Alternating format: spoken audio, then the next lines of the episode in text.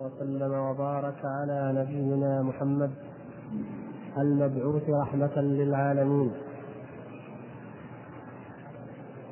أما بعد أيها الإخوة الكرام فالسلام عليكم ورحمة الله وبركاته. ونكمل معكم اليوم الحديث عن الحوض. جعلنا الله وإياكم جميعا ممن يرده ويشرب منه شربة هنيئة مريئة لا يظمأ بعدها أبدا. وقد وقفنا عند قوله ومعنى ذلك أنه يسكب فيه ميزابان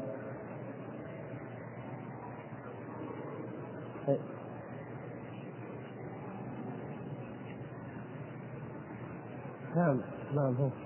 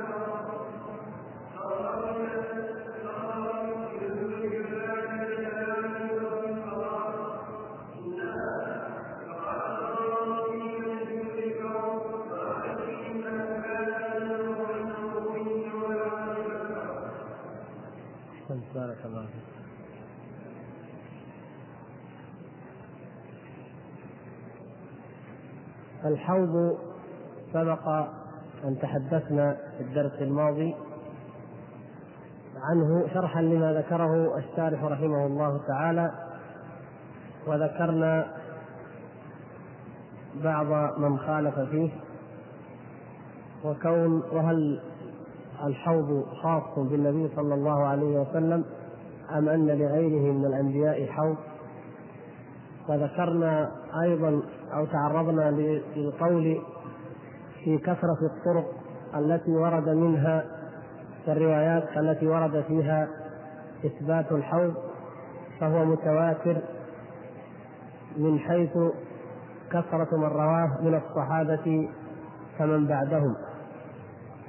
وكذلك شرحنا الأحاديث التي ذكرها التي ذكرها الشارح هنا ومنها حديث أنس الذي رواه البخاري وأيضا الذي رواه الإمام أحمد رحمه الله تعالى. ثم انتهينا من شرح الحديث الآخر أو الرواية الأخرى التي أخرجها مسلم من حديث أنس في تفسير قوله تعالى إنا أعطيناك الكوثر. ثم بعد ذلك يقول الشارح رحمه الله ومعنى ذلك أنه يسخب فيه ميزابان من ذلك الكوثر إلى الحوض. وقد بينا أن المراد بذلك أن الكوثر هو نهر عظيم في السماء السابعة كما قد سبق في أحاديث الإسراء والمعراج. والرواية الصحيحة أنه في السماء السابعة لا في السماء الدنيا كما ورد في رواية شريك بن عبد الله.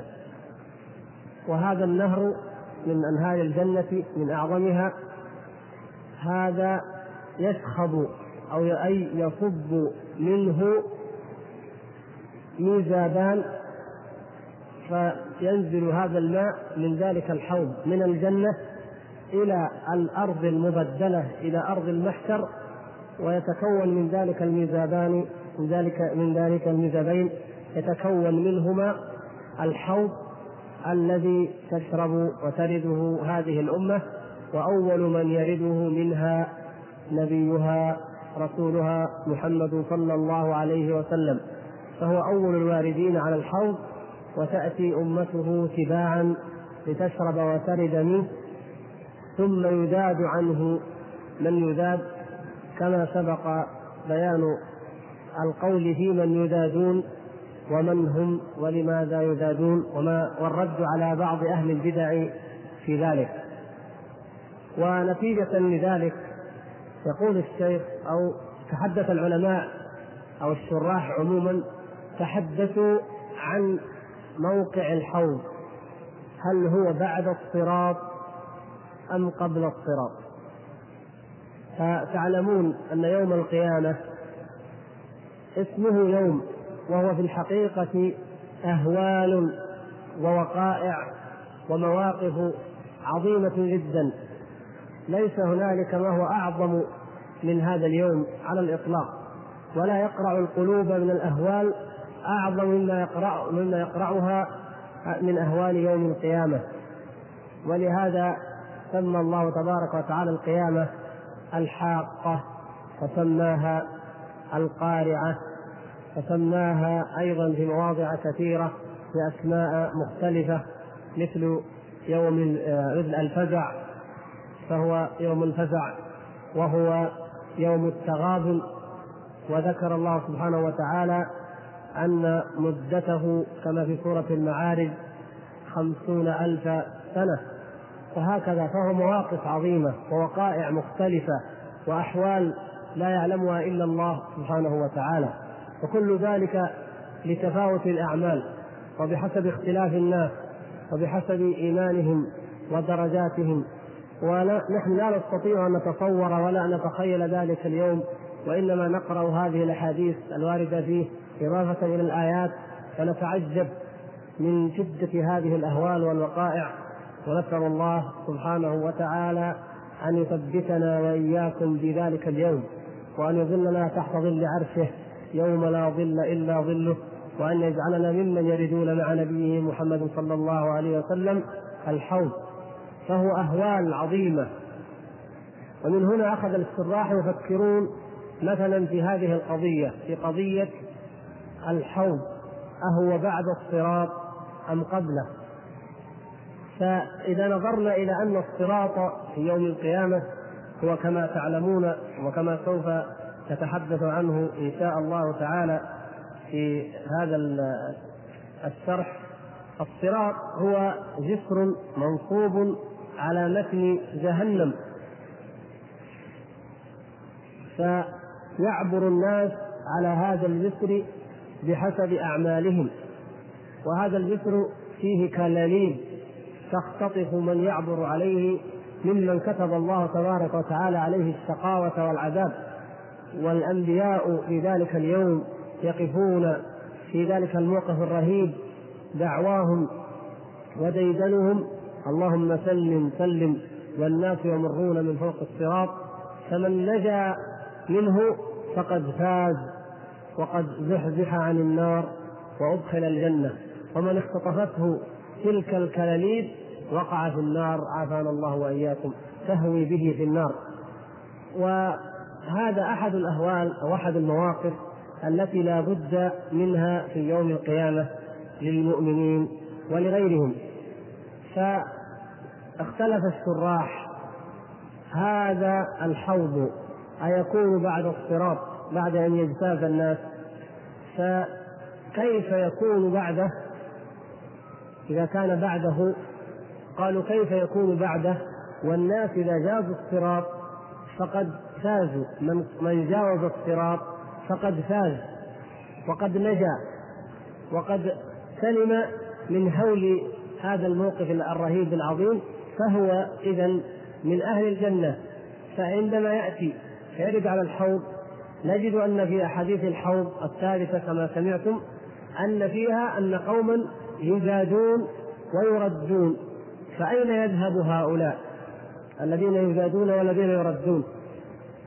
لاحظتم الإشكال إن كان هؤلاء الذين يزادون عن الحوض من أهل النار فكان أو كما يليق من حديث الصراط أن تختطفهم الكلاليب التي مثل الشوك شوك الثعبان. ما تختطفهم فيسقطون فيها. ولا ينجو من الصراط ومن العبور إلا إلا الناجي الذي يستحق دخول الجنة. فكيف ينجو هؤلاء؟ ويعبرون الصراط ثم بعد ذلك يذادون ويطردون ويقال لهم سحقا سحقا أو بعدا بعدا. فاذا هذا إشكال. فهذا الإشكال يقتضي أن يقال إن الحوض قبل الصراط فمعنى ذلك على هذا نقول إن الحوض يرده الناس ترده هذه الأمة فمنهم من يشرب ومنهم من يزاد ومن يطرد ثم الكل يندفعون لعبور الصراط واجتيازه. وحينئذ منهم من يجوزه ويعبر فهؤلاء يناسب أن يكونوا من؟ الذين شربوا من الحوض. شربوا من الحوض فيشربون شربة لا يظمؤون بعدها أبدا ثم يجوزون الصراط وهم آمنون مطمئنون فيدخلون الجنة. وأما الذين يزادون عن الحوض ويردون عنه ولا ولا يشربون منه نسأل الله العفو والعافية فهؤلاء يردون بعطشهم ثم يأتون لإجتياز الصراط فتخطفهم الكلاليب فيكونوا من أصحاب النار نسأل الله العفو والعافية والسلامة من ذلك. فهذا هذا هو ما قاله بعض العلماء في أن الحوض إذا المقتضى الأحاديث عموم الأحاديث أن الحوض يكون قبل الصراط. وبعض العلماء يرى غير ذلك وهؤلاء كلهم من الشراح يعني بمعنى أنه لم يثبت في ذلك حديث صريح ولا قول لأحد من الصحابة أو علماء الأمة المتقدمين وإنما هذا اختلاف من الشراح كالقاضي عياض وأبي طالب المكي والقرطبي والغزالي والسيوطي والحافظ ابن حجر رحمهم الله وأمثال هؤلاء من العلماء الذين بحثوا في هذا الموضوع. الطائفة الأخرى التي ترى أن الحوض بعد الصراط يقولون إنه قد ثبت في الأحاديث أن الحوض يشخب فيه ميزابان كما سبق هنا ميزابان من نهر الكوثر الذي في الجنة. ومعنى ذلك أن الناس بعد أن يجتازوا الصراط يقفون في أرض دون الجنة يشخب فيها هذان الميزابان. فالنهر الذي في الجنة الكوثر نهر النهر في الجنة. والميزابان يصبان منه في أرض الحوض في أرض المحشر في الحوض. فإذا يكون الناس قد اجتازوا الصراط ولكنهم لم يدخلوا الجنة بعد وإنما بعد ما نالهم من النصب ومن التعب في المواقف وفي الحساب عند تطاير الصحف وأثناء الأهوال العظيمة التي تقع لهم فيجتازون الصراط فمن نجا يعني ما يقول, يقول إذا اجتازوا الصراط فإنهم حينئذ يشربون ثم يدخلون الجنة ولم ينظروا إلى الجانب إلى قضية الذين يزادون أول الأمر قالوا هؤلاء آه، يقتضي الأمر أنهم يكونون قد اجتازوا الصراط لماذا؟ ليكون الأرض الحوض أرض الحوض قريبة من الجنة فيصب الميزابان من الكوثر الذي في الجنة إلى أرض الحوض. فيكون ذلك أو مقتضى ذلك أن الحوض بعد الصراط. وبعض العلماء لما رأوا أن المسألة تحتمل هذا وذاك قالوا لم لا نجمع بين الأحاديث لأن الحوض هذا عظيم وكبير ومنه ما هو قبل قبل الصراط ومنه ما هو بعد الصراط وأن ذلك بحسب أعمال الناس. فمن الناس السعيد المؤمن التقي الذي يجتاز أو يشرب فيجتاز الحوض فهذا رجل آه، من السابقين ومن المقربين فهؤلاء يشربون ويجتازون أو يجتازون ويشربون. ولا يتوقفون. وأما الآخرون الذين لهم ذنوب فإنهم يمكن أن يشربوا فيعذبوا في النار أو أن ذلك من شدة الحساب يحجزون فبعد أن يطردوا ومن الحوض يجتازون فتخطفهم الكلاليب أو يعفو الله تعالى عمن شاء منهم. وقد طرد من الحوض لكنه يظل بعطشه فكأن ذلك عقوبة من ضمن العقوبات التي تكون في الموقف من ضمن أهوال الموقف أن هؤلاء لا يشربون من الحوض بل يزادون ويطردون ولا يعني ذلك أنهم لا يغفر لهم أو أنهم لا يجوزون الصراط. فالحقيقة أن المسألة ليس فيها نص قاطع وهي تحتمل وهي من أمور الغيب التي لا يجوز الخوض ولا القول فيها بالظن ولا بمجرد الاستنباط الذي يبدو لصاحبه رجحانه ولو دقق فيه لتبين خلافه. ولهذا لو قيل في هذه المسألة أن الأرجح فيها هو التوقف وأن يوكل أو يرد أن يرد ذلك علم ذلك إلى الله سبحانه وتعالى فيقال في ذلك الله أعلم ونسبة العلم إليه سبحانه وتعالى أسلم. فهذا هو الذي نميل إليه ونختاره والله سبحانه وتعالى أعلم. فهذا اليوم العظيم لا نستطيع نحن أن نعرف وأن نتصور وأن نتخيل مهما اتسع بنا الخيال ما فيه من الأحوال والأهوال والوقائع. وما دام الأمر كذلك لم يثبت فيه نص صريح والأمر لا يترتب عليه كبير فائدة بل العبرة والموعظة قائمة سواء كان ذلك قبله أو بعده فلا ينبغي لنا أن نخوض في ذلك بغير علم.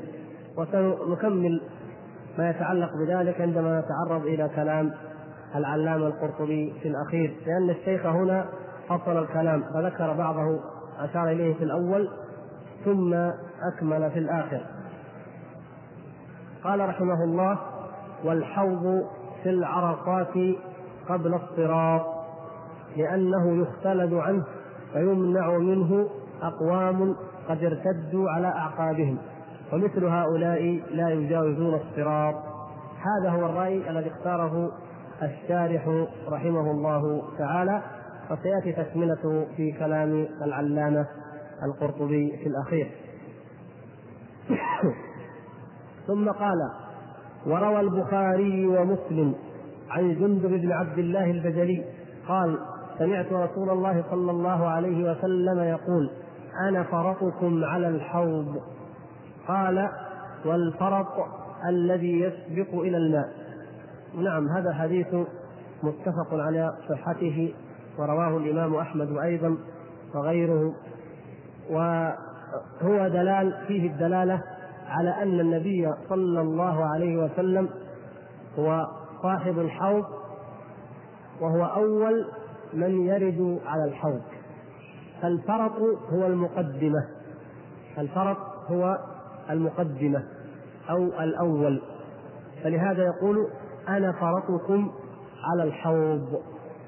أي أنا أول من يرد منكم على الحوض ويتقدمكم عليه. وفي هذا دليل على ثبوت الحوض مثله في ذلك الأحاديث المتقدمة ودليل على أن النبي صلى الله عليه وسلم هو أول من يرده والناس يردون بعده. وكرر ذلك أيضا في الحديث الآخر في حديث سهل بن سعد الأنصاري رضي الله تعالى عنه كما ذكر. قال وروى البخاري عن سهل بن سعد الأنصاري رضي الله عنه قال قال رسول الله صلى الله عليه وسلم أنا فرطكم على الحوض. ثم قال من ورده شرب منه. هناك خلاف في الألفاظ بسيط في حسب الروايات. من ورده شرب منه ومن شرب منه لم يظمأ أبدا. من ورد الحوض شرب منه. ومن شرب منه لم يظمأ أبدا. فمن ورده من ورده سمح له بأن يشرب منه. فإذا شرب منه فإنه لا يظمأ بعد ذلك أبدا. وتلاحظون من لفظ هذا الحديث والذي قبله أن النبي صلى الله عليه وسلم هو أول هذه الأمة ورودا عليه وأن الناس يشربون هم من الحوض لأن كيزانه والكيزان هي جمع إيش؟ جمع كوز يعني آنيته أباريقه كما ورد ذلك في الروايات كعدد نجوم السماء فهو على سعته وكبره وحجمه فيه من الآنية بعدد نجوم السماء أعداد لا يعلمها إلا الله سبحانه وتعالى فالنبي صلى الله عليه وسلم يكون أول من يرد فيشرب ثم ترد بعده الأمة تباعا وكل منهم يشرب وهو بهذه السعة وبهذا الارتفاع العظيم والأمة عددها عظيم وكل منه منها من كتبت له السعادة والنجاة ولم يذب عنه يرد فيشرب من الحوض حيث الآنية كثيرة والمورد واسع. فكما تلاحظون ليس في هذه الروايات أن النبي صلى الله عليه وسلم هو بيده الشريفة يسقي الناس كما يتخيل بعض الناس وكما يدعي أو يدعي بعضهم فيقول اللهم اسقنا من يده الشريفة شربة هنيئة لا نظمأ بعدها أبدا. فهذا أولا لم يرد في حدود ما اطلعت عليه من الروايات لم يرد ولا أعلم أن أن ورد في ذلك رواية أنه صلى الله عليه وسلم يسقي الناس. هذا من جهة النص ومن جهة النظر فكأن يعني لو لو صح ذلك أو كأن في ذلك أن النبي صلى الله عليه وسلم هو وحده وبيده الشريفة يسقي هؤلاء الناس بهذا العدد الكبير وعلى هذه السعة العظيمة. فلا كأن ذلك لا يتناسب مع مقام النبوة وأيضا أن لا لا لا يتصور ذلك ويتخيل مع كثرة الناس ومع سعة الحوض وكأن النبي صلى الله عليه وسلم إنما هو سقاء يسقيهم الماء. فإذا كما تلاحظون في هذه الأحاديث النبي صلى الله عليه وسلم هو أول من يرد والحوض حوضه وأعطيه صلى الله عليه وسلم. نعم لكن لا يقتضي إعطاؤه إياه أنه بيده يسقي الناس وإنما هو صاحبه يتقدم أمته ثم يسر برؤيتهم وهم يشربون وبكثرتهم وهم يريدون من هذا الخير العظيم الذي أعطاه إياه الله سبحانه وتعالى وأكرمه به.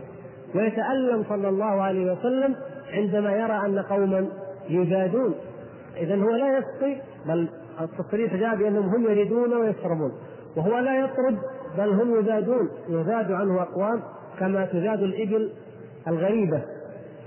مثل الإنسان الذي عنده إبل فيأتي يسقيها. يأتي يدخل بينها إبل غريبة فيزودها ويطردها لأنه الماء الموجود هذا خاص بالإبل التي هي ملكه.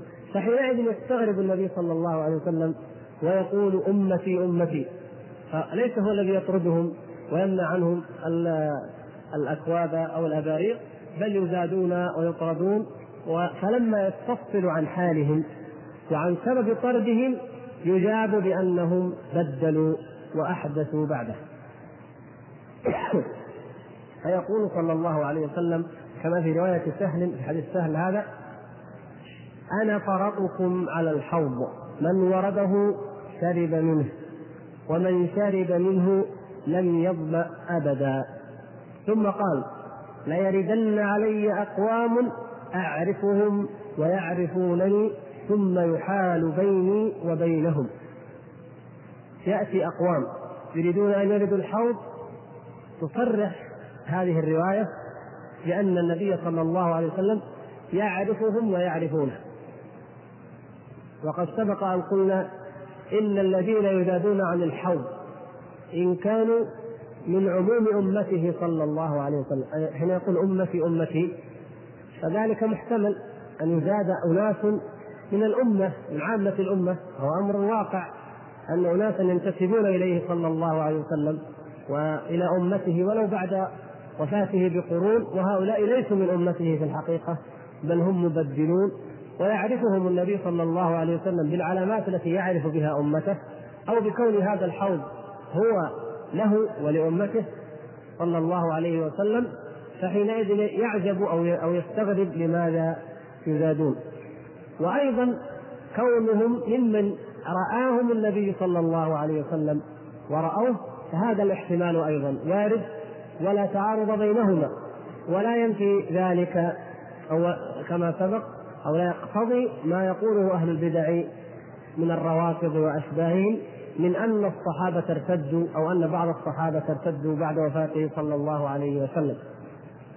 لأنه هؤلاء الذين يعرفهم النبي صلى الله عليه وسلم ويعرفونه هؤلاء كما قلنا قد عرف النبي صلى الله عليه وسلم أقواما ثم ارتدوا بعد وفاته وهؤلاء ليسوا من الصحابة ولا يشملهم اسم الصحبة كما وقع ذلك من مسيلمة الكذاب وغيره من المرتدين.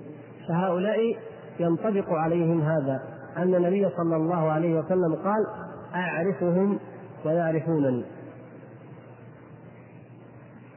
أعرفهم ويعرفونني ثم يحال بيني وبينهم.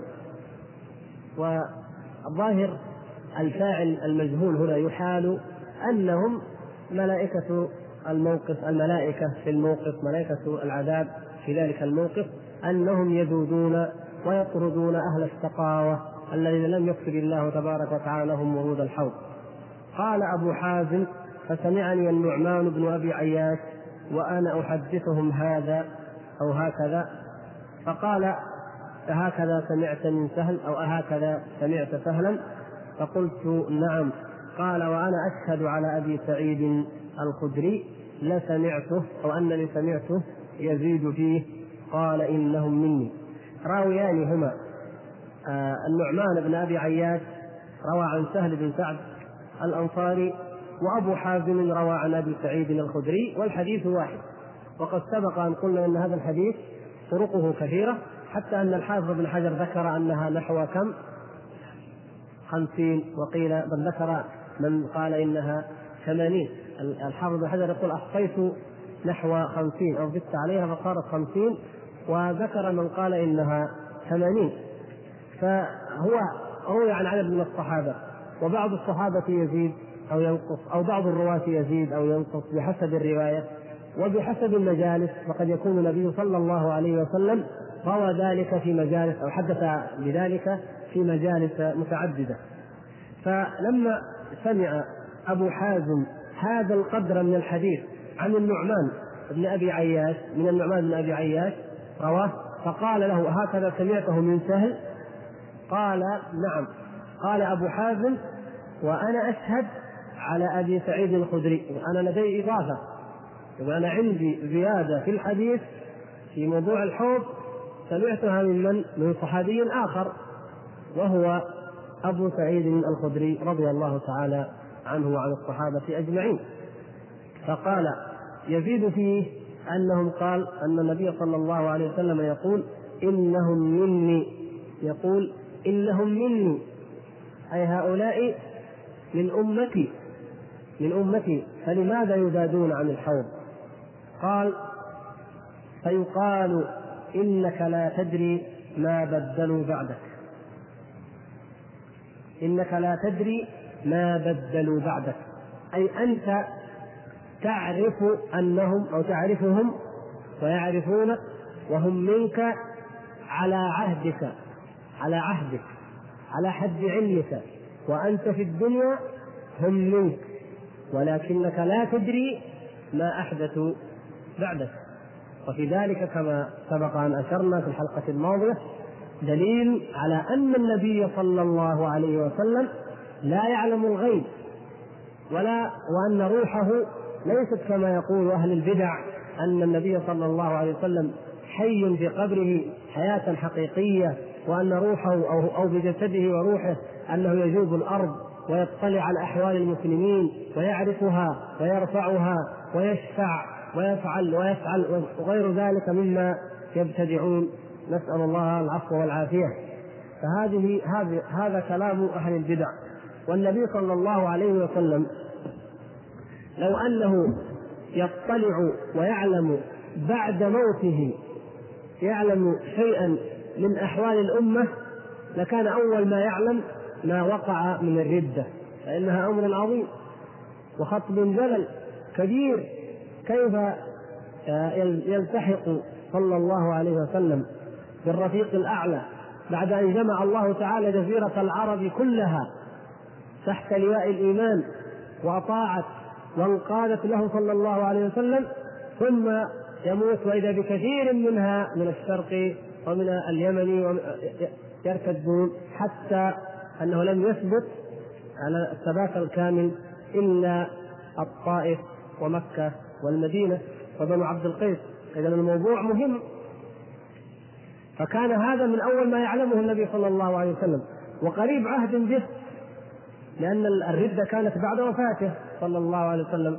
فإذا كان يطلع على أحوال الأمة وحي في قبره كحياته العادية ويسمع ويرى ويعرف أحوالها كما يقول ذلك أهل أهل الضلال الذين يريدون أن يجعلوا ذلك ذريعة إلى الشرك ذريعة لدعائه صلى الله عليه وسلم ذريعة لأن يستغاث به صلى الله عليه وسلم من دون الله فيوقع الأمة في الشرك الأكبر الذي جاء النبي صلى الله عليه وسلم لمحاربته. والذي جاء جميع الأنبياء وجميع الرسل لمحاربته وللدعوة إلى توحيد الله وحده سبحانه وتعالى. فإذا إذا كان الأمر كذلك فأول من ما ما يطلع عليه النبي صلى الله عليه وسلم هو هذه الفتنة العظيمة التي هي قريبة العهد به. ولكن الواقع أنه كما ترون وهي أحاديث صحيحة وكثيرة متواترة أنه يقول إنك لا تدري ما أحدثوا بعدك أو إنك لا تدري ما بدلوا بعدك. فيقال له من قبل الملائكة الذين يجودون هؤلاء المبدلين والمحدثين والمبتدعين والذين يدخلون في الأمة وينتسبون إليها وليسوا منهم يقال للنبي صلى الله عليه وسلم إنك لا تدري ما أحدث بعدك. هؤلاء الذين عرفتهم وعرفوك ودخلوا في دينك في حياتك. هؤلاء بدلوا بعدك وأحدثوا ونكسوا نكسوا على أعقابهم ومرقوا من الدين ولهذا استحقوا الطرد واستحقوا الإبعاد عن الحوض. فهو صلى الله عليه وسلم لا يعلم الغيب وإنما يعلم من الغيب ما أطلعه الله تبارك وتعالى عليه فقط ما أطلعه الله سبحانه وتعالى عليه. وهذا في حياته صلى الله عليه وسلم. وأما بعد وفاته وبعد أن انتقل إلى جوار ربه تعالى فإنه لم يبق له في هذا العالم تأثير وإنما بقيت رسالته وبقيت سنته صلى الله عليه وسلم أمانة في عنق الأمة يجب عليهم أن يتمسكوا بها وأن يقتدوا بها. فقد تركنا على المحجة البيضاء ليلها كنهارها لا يزيغ عنها إلا هالك ولم يتركنا للأوهام والظنون والتخرصات والافتراءات وإن كان المقصود بها تعظيمه تعظيمه صلى الله عليه وسلم. فإن أعظم تعظيم له صلى الله عليه وسلم أن يطاع أمره وتتبع سنته وأن يحب حبا لا يقدم عليه حب شيء ولا أحد من المخلوقات كما قال صلى الله عليه وسلم.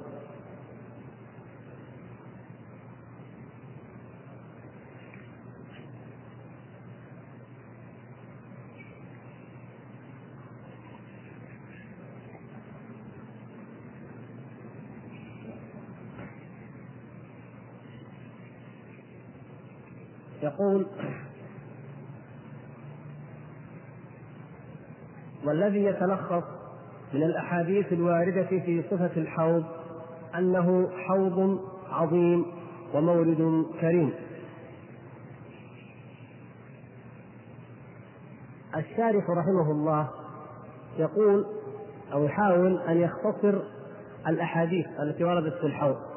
وردت عن عدد عن جمع غفير من الصحابة وردت بطرق كثيرة ورد بعضها ضمن أحاديث القيامة والمحشر فروايات متعددة وألفاظ متعددة فهو أراد أن يجمع الكلام في الحوض بهذه الأسطر. فقال والذي يتلخص من الأحاديث الواردة في صفة الحوض أنه حوض عظيم ومورد كريم.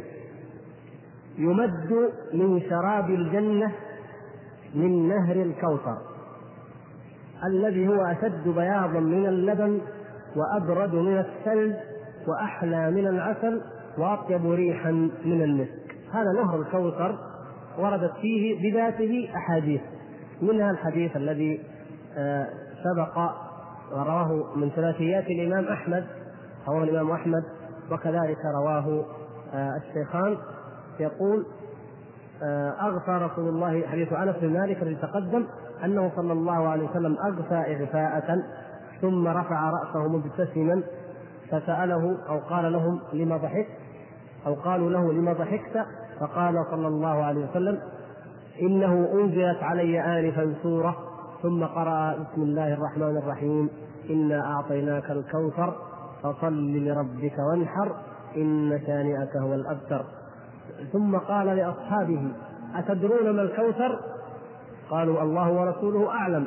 قال هو نهر أعطانيه ربي عز وجل في الجنة.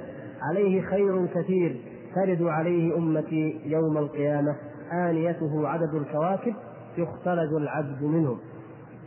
وفي حديث الإسراء المتقدم أنه نهر عظيم في الجنة. وذكر وفي احاديث أخرى وصفت ماءه لأنه أشد بياضا من اللبن وأنه أبرد من الثلج وأنه أحلى من العسل وأطيب ريحا من المسك وكما ورد في الحديث الذي تقدم أيضا أنه يشخب أي يصب يصب ميزابان من هذا النهر فيكونان الحوض. ثم قال وهو في غاية الاتساع عرضه وطوله سواء كل زاوية من زواياه مسيرة شهر. الكلام في طول الحرض الحوض وعرضه وسعته قد سبق أيضا وقد ذكر الشيخ هنا حديثا صحيحا حديث البخاري عن أنس قال إن قدر حوضي كما بين أيلة إلى صنعاء فقلنا أن الروايات في ذلك كثيرة ومختلفة اختلافا شديدا. ومن أرجح الروايات وأكثرها شهرة هذه الرواية رواية ما بين أيلة أي إيلات إلى صنعاء والرواية الأخرى ما بين جرباء وأذرح يعني كأن هذه كأن هاتين الروايتين هما الأكثر والأشهر والله أعلم. وإلا في الروايات صحيحة كثيرة ورد في بعضها ما بين أيلة إلى مكة وبعضها ما بين عدن وبعضها عمان وبعضها عمان وبعضها بصرى اختلفت ذلك الروايات وقيل هل هو بحسب السرعة أم بحسب الاتساع أو بحسب آه، اختلاف الصحابة في السماع أم بحسب اختلاف من بعدهم أيضا في النقل وما أشبه ذلك مما تقدم. فهذا دليل في جملة هذه الروايات من جملتها نفهم أن الحوض إذا في غاية الاتساع. يقول وفي بعض الأحاديث أنه كلما شرب منه وهو في زيادة واتساع أي لا ينقص ذلك منه شيئا. وهكذا حال الجنة فإن نعيمها لا ينفد أبدا كحال هذه الدنيا التي ينفد نعيمها وينفد مالها وينفد ما فيها من الخير وإن كان كثيرا. أما الجنة فإن أكلها دائم وظلها لا ينفد شيء من نعيمها ولا ينتهي. وأنه ينبت في خلاله من المسك والرضراض من اللؤلؤ وقضبان الذهب ويثمر ألوان الجواهر. ينبت في خلاله من المسك. ينبت المسك فيه والرضراض من اللؤلؤ. الرضراض هي الحجارة الدقيقة الصغيرة التي إذا جرى الماء تكون يجري الماء من فوقها وتكون في أسفله كما إذا مر أحدكم بجدول أو ربيع نهر يجري صغير وهو صافي نقي فإنه يشاهد تلك الحجارة الناعمة الدقيقة التي تكون في الماء فهي يجري الماء من فوقها. هذه تسمى في لغة العرب الرضراض الرضراض الحصى الدقيقة الصغيرة. وهي من اللؤلؤ يعني آه، حصاه حصباؤه آه، من اللؤلؤ. يجري هذا النهر فوقها. وقضبان الذهب. من اللؤلؤ ومن قضبان الذهب. وأنه يثمر ألوان الجواهر. يقول فسبحان الخالق الذي لا يعجزه شيء. سبحانه وتعالى. فلا يعجزه شيء. ولا تنفذ خزائنه. وإنما أمره لشيء إذا أراده أن يقول له كن فيكون سبحانه وتعالى. ثم قال وقد ورد في أحاديث إن لكل نبي حوضا وإن حوض نبينا صلى الله عليه وسلم أعظمها وأحلاها وأكثرها واردا وقد سبق أن قلنا إن الاختلاف واقع في هل الحوض خاص بالنبي صلى الله عليه وسلم أم ثابت لغيره؟ وأن الخلاف في ذلك يرجع إلى الخلاف في ثبوت الأحاديث وإن كان الأظهر على قاعدة المحدثين أن الحوض خاص به صلى الله عليه وسلم. لأن ما ورد من حديث هذا الحديث مثلا إن لكل نبي حوضا نفس الترمذي الذي رواه قال إن المرسل أصح ورفعه لا يصح. نفس أشار الترمذي وذكر أن المرسل أصح وأيضا الرواية الأخرى فيها ضعف. ذكر مثلا الشيخ هنا المعلق يقول أخرجه الترمذي في صفة القيامة باب ما جاء في صفة الحوض من حديث سمرة بن جندب قال قال رسول الله صلى الله عليه وسلم إن لكل نبي حوضا وإنهم يتباهون أيهم أكثر واردة وإني أرجو أن أكون أكثر أن أكون أكثرهم واردا يقول قال الترمذي قال الترمذي والمرسل أصح. قال الترمذي والمرسل ورد مرسلا والمرسل أصح. هذا الذي في الترمذي. ثم يقول وذكر الهيثمي في المجمع قال ورواه الطبراني وفيه مروان بن جعفر السمري واستقر ابن أبي حاتم وقال الازدي يتكلمون فيه وبقية رجاله ثقات. هذا تعليق الشيخ الأرناؤوط. نقرأ تعليق الشيخ الألباني. تفضل.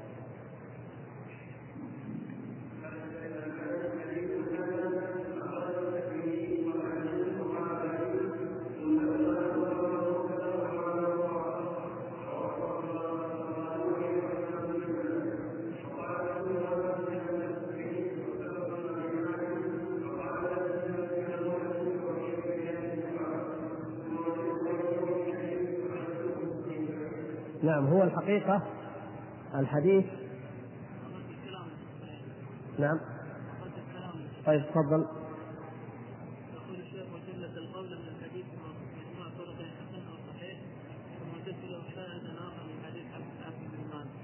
أيوه. ولا يعني الشيخ الألباني جزاه الله خيرا وهو من تعلمون منزلته في الحديث. رأى أن هذه الطرق طريق مرسل وطريق ضعيف وطريق أخرى عن عوف بن مالك الشيعي. قال هذه ينجبر بها الحديث فيكون حسنا أو صحيحا. ولكن ليس ها ها على هذا لم يوافقه على هذا بعض العلماء. والحافظ ابن حجر رحمه الله هو ممن لم يمل إلى ذلك. بل آه وأورد الخلاف وأورد ضعف حديث الترمذي ثم سكت ومضى عنه. وكأنه لم يترجح لديه شيء ولم يرجح